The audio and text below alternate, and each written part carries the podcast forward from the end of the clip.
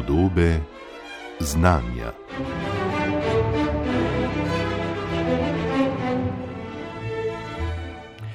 Kako pametna so lahko današnja mesta in vasi? In o čem pravzaprav govorimo, ko govorimo o pametnih mestih in vaseh? Digitalizacija je na številne načine že temeljito spremenila naša življenja, a vendarle naj bi bili šele na začetku tega procesa, na katerega se tudi zelo veliko stavi, tako z vidika nadaljnega gospodarskega razvoja in postpandemičnega okrevanja, kot tudi kot ključno orodje, ki bi nam lahko pomagalo naslavljati številne okoljske in družbene probleme današnjega časa. Seveda pa pozitivni učinki digitalne transformacije niso samoumevni in tako imenovane pametne rešitve morajo tudi dejansko biti pametne, pametno načrtovane in celostno umeščene v prostor in družbo, če naj dejansko imajo želene učinke. Kaj je zato potrebno, kaj deluje in kaj ne, bomo preverili v tokratnih podobah znanja. Današnja gostja je dr. Emilija Stojmenova Duh, docentka v laboratoriju za telekomunikacije na Fakulteti za elektrotehniko Univerze v Ljubljani, vodja digitalnega inovacijskega središča 4PDIH in tudi članica novoustanovljenega strateškega sveta za digitalizacijo. Doktorica Emilija Stojmenova Duh, lepo pozdravljeni.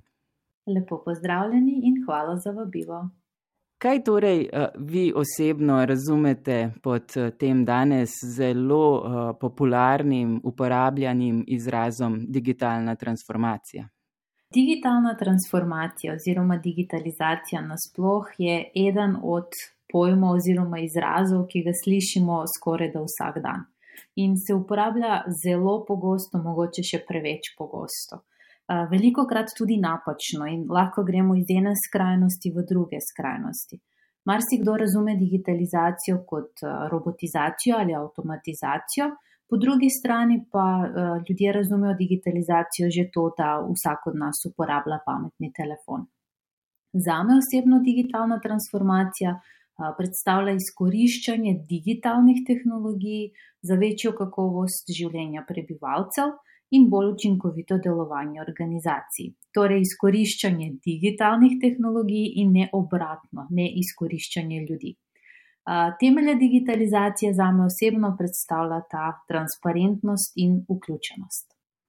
Zdaj, digitalno transformacijo se danes zelo pogosto omenja kot skorajda čarobno paličico, ki naj bi rešila cel kup sodobnih težav, od okoljskih, prometnih, tudi družbenih, in dejansko vemo, kadar se neki pristop zelo spodbuja, tudi finančno, je vedno možno, da se nekaj uvaja tudi samo zato, da pač se. Kaj je torej dejansko potrebno, da je uvajanje nekih novih digitalnih, povezanih in tako dalje orodij in storitev tudi resnično pametno, tisto, kar neko okolje v nekem trenutku dejansko potrebuje? Zelo drži in dandanes je res postalo moderno. Digitalizacija, se digitalizirati in tako naprej. In kot ste tudi sama že povedala, pač digitalizacijo izkoriščamo zgolj, če je finančno podprta, ne se uvaja samo zato, da, da jo imamo. Težava, ki se zgodi pri uvedbi digitalizacije, je, če pri uvajanju ne upoštevamo celovit pristop oziroma če naslavljamo posamezne vidike. Recimo na zelo konkretnem primeru. Trenutno je odprt razpis za pametna mesta in skupnosti v Sloveniji in bo namenjeno nekje okoli osem milijonov za to, da postanejo naša mesta in skupnosti bolj pametna oziroma digitalizirana. In kaj predvideva ta razpis? Ta razpis predvideva nakup senzorike v mestih. Zdaj, po eni strani, če mi v mestih, v občinah nimamo ljudi, ki bi znali uporabljati podatke, ki jih, te ki jih ti senzorji pač pridobijo, ne, in, in da nam jih pošljejo in nam jih zagotovijo. Ali po drugi strani, če bi znali razvijati te aplikacije, potem nismo z nakupom senzorike oziroma z nakupom opreme nismo naredili prav veliko, ne. Po drugi strani tudi to ni dovolj, tudi če imamo na občinah ljudi, ki bi znali uporabljati podatke, ki bi znali razvijati te aplikacije, nimamo pa ljudi, ki bi znali uporabljati te aplikacije, ponovno naš cilj ni dosežen. In zato je zelo pomembno, da se pri digitalizaciji lotimo res celovito. Torej, ne samo, da nakupimo neko digitalno opremo, eh, da uvedemo neke senzorje, ne? ampak eh, predvsem tudi je treba delati na veščinah, da znamo potem uporabljati to opremo. Bodi si za razvoj, bodi si tudi za eh, končno uporabo teh izdelkov. Če se zadeve ne lotimo na takšen način, potem lahko z digitalizacijo porabimo ogromne količine denarja, brez da bi dosegli kakšne res pomembne učinke. Se pravi, pravzaprav se lahko zgodi, da proizvajamo, če tako rečem, cele kupe nekih novih podatkov s temi senzori, eh, ki zaznavajo lahko marsikaj, koristnega tudi od kvalitete zraka, vode do številno, številnih drugih, seveda, stvari, potem pa pravzaprav z njimi ne naredimo več nič nadaljnega, recimo. Tako. Eh, sami posebej mi že zdaj, recimo, imamo naprave, ki zbirajo ogromne količine podatkov, že naši telefoni ne, imajo, zbirajo te podatke, ampak ti podatki, če niso uporabljeni za nek koristen namen, potem je to eh, v bistvu škoda. Ne? Zdaj pa, da jih lahko uporabljamo, tudi podatki, ne moremo jih kar tako uporabljati, ampak morajo biti ustrezno strukturirani, ustrezno analizirani, med seboj se morajo znati povezovati. Zdaj ponovno je tipični primer zelo aktualen, je cepljenje. Ne? In uh, so se podatki zbirali na različnih koncih, in kaj smo ugotovili na koncu, uh, da ti podatki niso bili zbrani na enak ali na podoben način, in potem uh, ti seznami se niso znali med seboj povezati, in na koncu uh, svojega cilja nismo dosegli. Ne? Podatke imamo, ampak uh, še zmeraj pač uh, nimamo učinkovito izvajanje cepljenja. Občutek imam, kot da se torej pogosto projektov lotevamo z napačnega konca. Kaj je tisto pravzaprav prvo, kar je treba imeti v mislih pri načrtovanju nekega torej, digitalnega sistema, aplikacije, česar koli, da bo dejansko na koncu imelo cilj. Kje, kje vi vidite, da so pač tisti ključni koraki, ki jih je treba opraviti, imeti odkljukane, da bo na koncu tudi tisto zbiranje podatkov dejansko doseglo svoj namen in ne mogoče kakega drugega namena. Konc koncev vemo, zbira se toliko podatkov, ljudje smo tudi nekoliko negotovi glede tega, ali je to koristno, še prav posebej, kadar gre seveda za naše podatke. Doktorica Emilija Stojmenova Duh. Drži, sicer pri podatkih se je potrebno zavedati, da niso vsi podatki osebni podatki. Ne? Tako da zbiramo različne podatke in tukaj nas ni treba biti strah ne, pri zbiranju teh podatkov, pa tudi sicer obstaja razlika med zbiranjem anonimiziranih podatkov ali podatki, ki pač vsebujejo tudi te osebne stvari. V glavnem, bistvena težava je to, da veliko krat, pa ne samo pri nas, ampak pri nas še posebej vidim to situacijo, izhajamo iz tega, kaj neka tehnologija omogoča. Pogledamo, kakšni so trendi, recimo umetna inteligenca ali podatkovne verige ali karkoli in potem rečemo, ok, to je zdaj moderna, nova tehnologija, ki lahko bistveno vem, izboljša delovanje podjetij in začnemo iskati načine, kako bomo zdaj to tehnologijo mi uvedli v neko podjetje ali v neka skupnost. To je ključna napaka, ki jo naredimo, zaradi tega, zato tudi potem mogoče te tehnologije niso toliko sprijete. Če želimo da te tehnologije dejansko dosežejo svoj, svoj namen, se moramo lotiti iz čist enega drugega konca in sicer pogledati, kakšna je težava, ki jo želimo rešiti. To pogosto tudi svojim študentom razlagam, da če imate na voljo 60 minut časa, potem vem, 55 minut namenite temu, da dobro raziščete, kaj je problem, in 5 minut reševanju problema.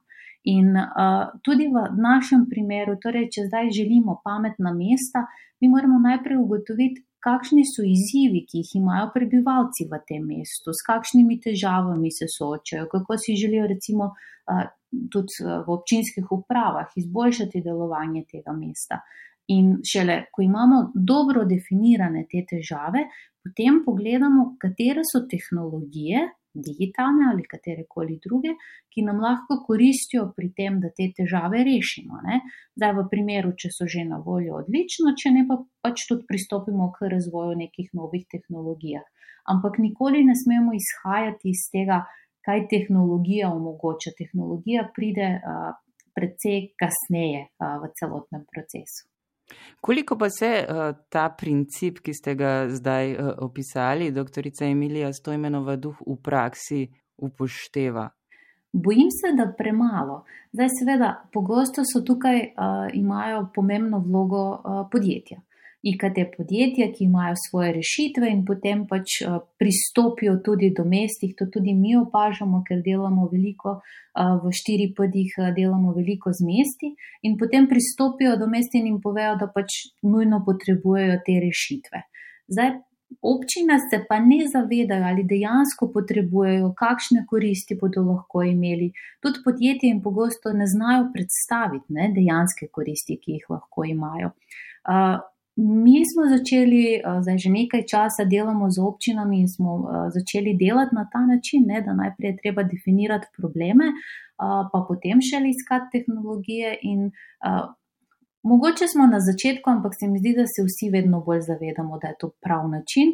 Po drugi strani pa tudi podjetja so se začela zavedati, da je to prav način, zaradi tega, ker. Na tak način dejansko najdeš svojo ciljno publiko in veš, da bo rešitev potem uh, uporabljena ne, in da jo boš lahko dal na trg. Sploh za mesta ne, velja, da so izredno pač kompleksne skupnosti, kjer skupaj na majhnem prostoru živi veliko ljudi z zelo različnimi eh, načini življenja, povsem različnim torej, Um, načinom bivanja. Tudi um, zelo veliko bi pričakovala um, nasprotujočih si želja, verjetno se v takem okolju potem pojavi in uh, verjetno, ko gre za izbiro neke, neke digitalne podpore, vsega se morda ne da enako naslavljati. Kako, kje so tukaj prioritete oziroma kateri so morda danes um, tisti, tisti problemi, ki jih uh, pravzaprav digitalne tehnologije najbolje podpirajo dejansko, kje pa morda um, lahko pustimo stvari, vsaj za zdaj, še um, tako vodene, kot so bile do zdaj. Recimo. Tukaj težko zdaj uh, govorimo nekaj na splošno. Ne? Vedno se je treba pač reševati od uh, primera do primera. Zdaj bom spet uh, en zelo konkretni primer iz uh, naših projektov predstavila. Uh, namreč mi imamo tudi projekt Pametne vasi in imamo dve pilotske območje. Ena je v Šmarje pri Kopru, druga je pa Kongota pri Mariboru. Delamo skupaj z vinarji, ne? veliko je med njih so mladi vinarji, mladi prevzemniki kmetij tudi. In ko je nastopil COVID, so se ti vinarji soočali z res veliko izzivov. Naenkrat niso mogli prodati, svoje izdelke, tudi recimo, ko so imeli te poskus, pač wine tasting oziroma ko so poskušali vina, to se ni dalo več izvajati, zaradi tega, ker pač so bili prepovedani obiski in tako naprej.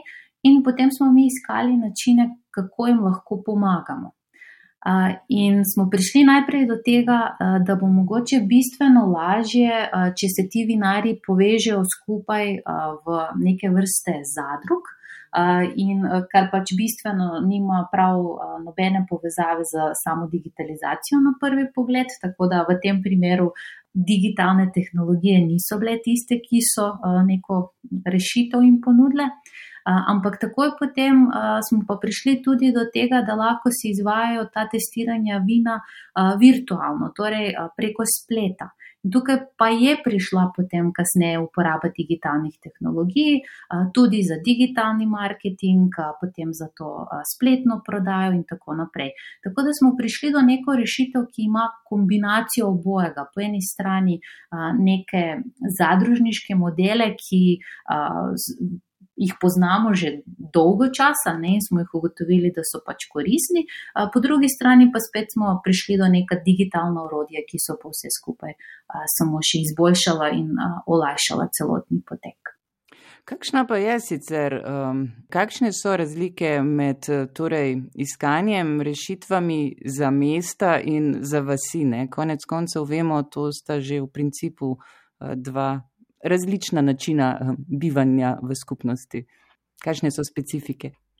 A, napaka, ki so jo delali na začetku, je, da je marsikdo razumel vas kot uh, pomanjšano mesto. In potem tudi rešitve, ki so jih iskali, so izhajali uh, iz tega razumevanja. Uh, ampak izzivi, ki so v mestih, so povsem drugačni kot izzivi, ki so v vas. In zato ponovno je treba izhajati iz ljudi oziroma iz skupnosti in s tem, s čim se soočajo. Če pogledamo mobilnost, naprimer, v marsikaterem mestu imamo težavo zaradi tega, ker smo preobremenjeni s prometom. Ne? Po drugi strani, ko pa gledamo na vseh, pa imamo težavo zaradi tega, ker nimamo tega javnega prevoza in enostavno moramo uporabljati druge modele, smo tudi veliko bolj odvisni od avtomobilov. Ali če pogledamo parkirišča, v mestih so zelo problematične in potem iščemo rešitve za parkirišča, v, na vseh pa tega ni. Ne? Tako da je treba izhajati res iz tega, iz posamezne skupnosti in pogledati, katere so tiste težave. Zdaj tudi v mestih. Pogosto krat so to, ne vem, mobilnost, potem tudi veliko krat energetika in razne druge storitve, ne, zdravstvene in tako naprej. Na vseh pa pogosto pridemo do kmetijstva, ki je pač tudi nekako kot najbolj zastopan sektor, dostop do storitev, ki jih nimajo, ki niso na voljo, predvsem tukaj govorim za javnih storitvah, in potem poiščemo način, kako lahko digitalne tehnologije pri tem pomagajo. Zelo pomembno pa je, ko delamo na rešitve za pametna mesta in pametne vasi, da jih ne gledamo izolirano. Zaradi tega, ker nikjer na svetu mesto ni samo, torej vedno obstaja nek odnos oziroma neko relacijo z vasmi. In tudi recimo pri teh rešitvah je zmeraj treba gledati kako, kako jih bomo povezali.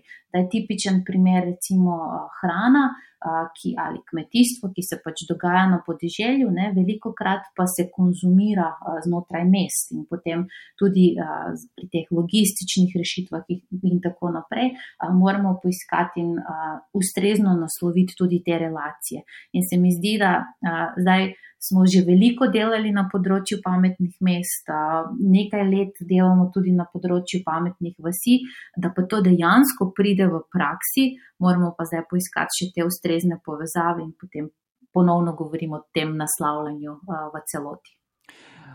Zdaj, zanimalo bi me še to, ne, za, za digitalizacijo, zato da vse te rešitve dejansko delujejo na terenu, je seveda potrebno, da uh, je signal na razpolago v taki ali drugačni obliki, sicer pa seveda digitalne storitve ne bodo delovale.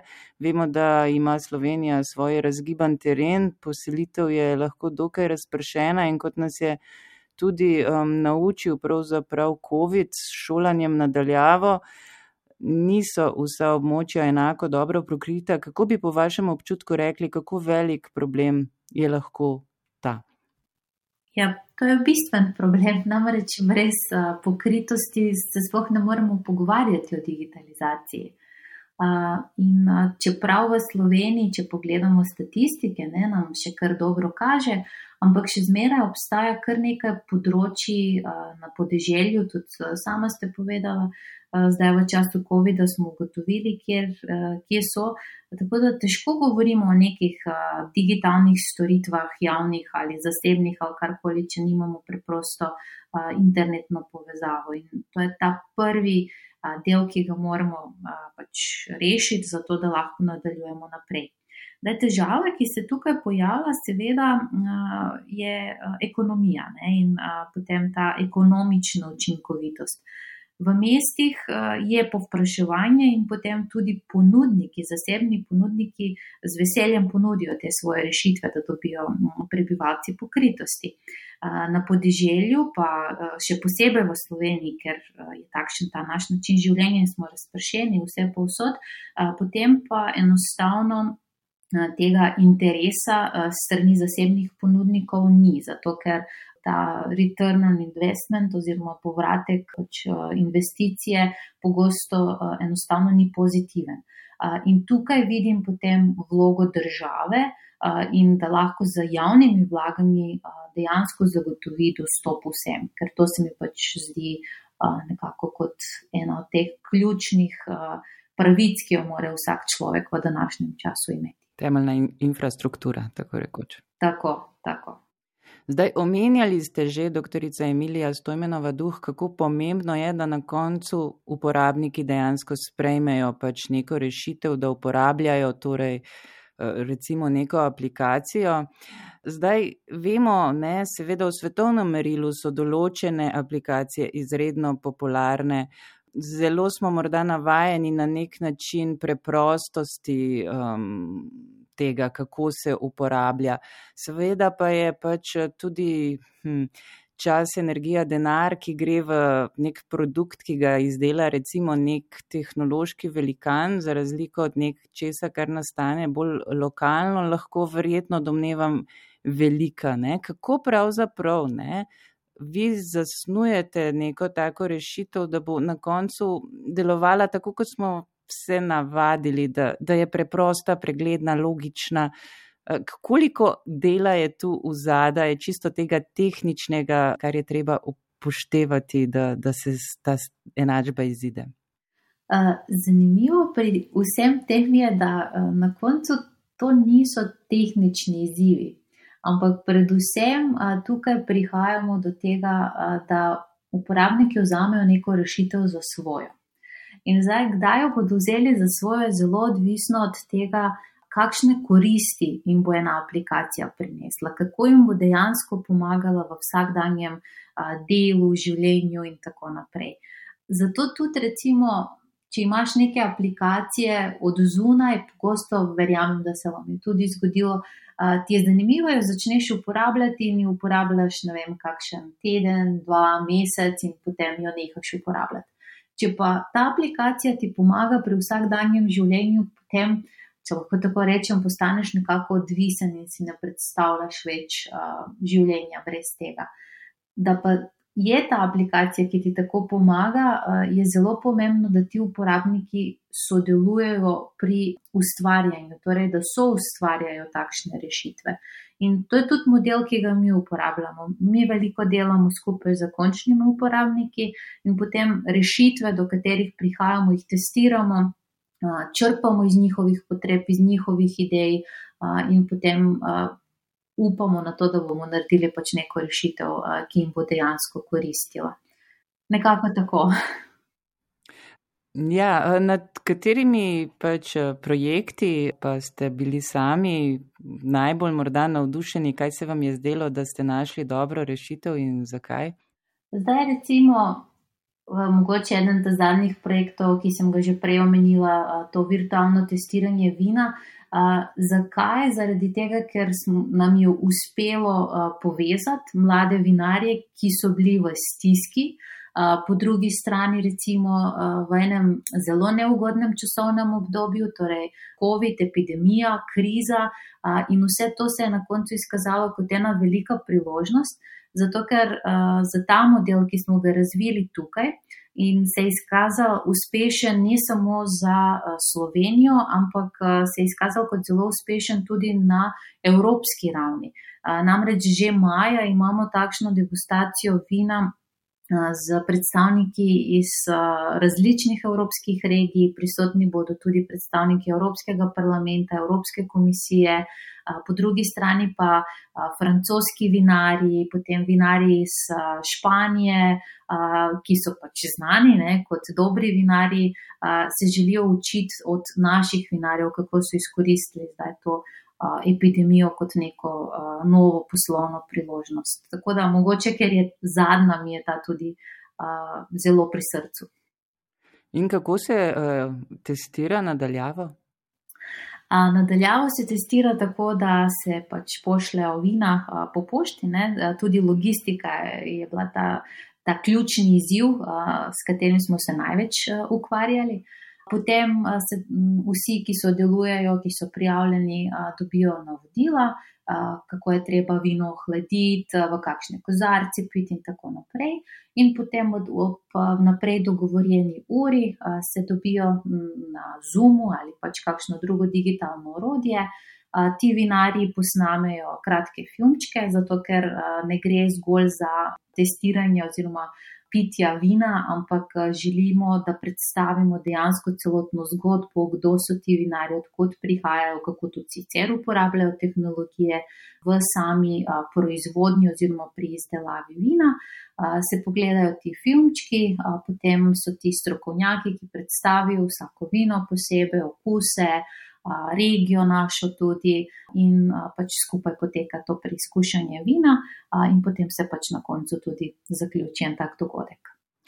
Že prej ste omenjali, da je sicer potrebno se seveda v izhodišču pač posvetiti, kaj je nek problem, ki ga naslavljamo, skratka zasnovati neko recimo aplikacijo storitev lokalno, da pa je potrebno tudi povezovanje mest, vasi, skupnosti, da, da bi ta cel ekosistem zaživel. Eh, zdaj, um, predsednik novo ustanovljenega strateškega sveta za um, digitalizacijo, Mark Boris Adrianič, je nekako izpostavil, da bi si želel, eh, da razvijete aplikacijo, ki bi nekako omogočala vsem državljanom in državljankom čim bolj pre, državljankam čim bolj preprosto komunikacijo z državo, uporabljanje najrazličnejših storitev različnih ministrstev. Sliši se kot um, izredno uh, kompleksen, vendar le to podvig. Uh, kaj bi glede na že povedano rekli, da je ključno, da, da, da nastane dobra rešitev? Uh, Mislim, to, kar ste zdaj opisala, eh, je nekako opis eh, e-uprave, ki jo v Sloveniji tudi že imamo. In uh, iskreno sem sama zelo ponosna na to našo e-upravo, ker se mi zdi, da marsikatera zadeva zelo dobro deluje. Uh, težava, ki jo imamo, predvsem pri nas, uh, so javne storitve, ki so na občinskem nivoju in ki niti slučajno niso digitalizirane. Torej, vse še zmeraj morate uh, hoditi na občini. Uh, tukaj, če bi mi želeli imeti one-stop shop ali pač en, en dostop do vseh storitev, mislim, da ni težava pri državljanih, ampak mislim, da je prej težava pri komunikaciji med različnimi ministrstvi. Zaradi da ne prihaja potem do tega, da ti moraš za eno isto zadevo, pa čeprav je digitalno, ne, uh, podatke vnašati ne vem koliko krat to se nič ne spreminja. Tako da morajo biti sistemi urejeni v ozadju, ne tisti pač v spredju nasproti državljanom. Tako da zmeniti se je treba od zadaj ne, in postaviti ustrezno arhitekturo, da potem na koncu prebivalci bodo imeli en učinkovit in uporabniku prijazen sistem. In verjamem, da tukaj pač z ustrezno nadgradnjo je uprave se da marsikaj narediti. Se pravi, pa tudi razširitev pač na, na občinske nivoje, torej, če prav razumem. To je pa nujno potrebno tako. Vsekakor se, se zdi kot eh, velik eh, podvig glede na število občin. Eh, zdaj, ob koncu pogovora, doktorica Emilija Stojmenova Duh, bi pač vas vprašala še torej malo širše. Ne? Pač nekako vsaka tehnologija, ki smo jo ustvarili do zdaj, je poleg svojih koristi prinesla tudi slabe strani. Danes je denimo precej govora o digitalnem nadzoru, koncentriranju moči v rokah tehnoloških velikanov, pristranosti algoritmov in tako dalje, še marsikaj verjetno. Kakšen je vaš pogled na te vidike učinkov pametne tehnologije? To seveda drži, ta koncentracija moči in tukaj predvsem v Evropi in vidim Evropsko komisijo, ne, niso opravili svojo nalogo. Ustrezno bi se dale te stvari regulirati ne, in zaščititi, ker vsi ti tehnološki velikani bolj ali manj prihajajo iz Združenih držav oziroma pač iz, ne prihajajo iz Evropske unije. Tako da ta regulacija, po drugi strani pa tudi učinkovito pobiranje davkov. Če bi sama imela možnost odločanja, bi poskrbela, da bi naredila vse, pač, da se ti davki učinkovito pobirajo in potem se vlagajo nazaj ravno recimo za spodbujanje digitalnih kompetenc, znanj, veščin, ki smo jih preomenjali, da so ključni, ne? da se pripravijo brezplačni tečaj, recimo za vse prebivalce. Drug način je pa spodbujanje čim večje uporaba odprtih podatkov in seveda odprtokodnih sistemov. Tudi spodbujanje razvoja takšnih odprtokodnih sistemov. Evropska komisija je že marsikaj naredila, verjamem, da se da še, še veliko več, ne? in potem pač uporaba teh odprtokodnih sistemov. Glede same pristranosti algoritmov, absolutno drži, to je veliki izziv ki pa je tudi rešljiv. Ker namreč algoritmi delujejo na način, kot delujejo ljudi, ki jih ustvarjajo. In zdaj, če jih ustvarja ena omejena skupina ljudi, recimo belopolti moški, potem tudi algoritmi bodo delovali na tak način. Zato je pri snovanju teh algoritmov potrebno vključiti čim bolj raznolike strokovnjake, zaradi tega, ker potem tudi njihovi miselnosti in pač nasploh, mislim, načini razmišljanja bodo vključeni v teh algoritmih. Da se to zgodi, pa seveda tudi moramo spodbujati, da čim več ljudi, oziroma otrok, že zna snovati takšne algoritme, in spet pridemo do teh digitalnih znanj in veščin. Ampak zdi se, da se razvija tehnologija in uh, ima svoje učinke na naše življenja mnogo hitreje, kot mi lahko napolnimo ta manjkajoča mesta z ljudmi, ki, ki manjkajo torej v tej strukturi ljudi, ki razvijajo denimo tehnologijo.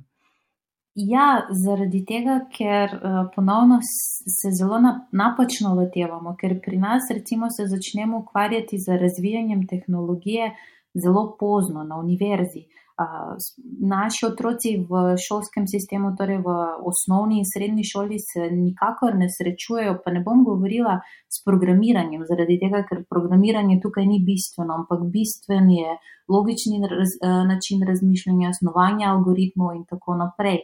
A, tako da, če mi imamo tega načina razmišljanja, če a, tako kot se učimo vem, matematiko, tuje jezike, a, vem, karkoli pač fiziko, si učimo tudi ta logični način razmišljanja, reševanja problemov, potem sploh ni problem. Tehnologija, tehnologije se menjavajo, tako kot se tudi drugi družbeni procesi menjavajo, pa tudi znamo iti naprej. Najlepša hvala za tale pogovor, doktorica Emilija Stojmenova Duh in um, lep pozdrav. Hvala tudi vam za odlično vprašanje.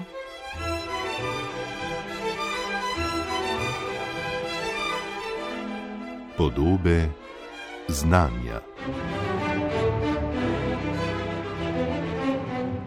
Z doktorico Emilijo Stojmenovo duh sem se pogovarjala Nina Slaček. Vabljeni, da oddaji podobe znanja prisluhnete tudi na spletni strani programa Ars ali jo poiščete med podcasti.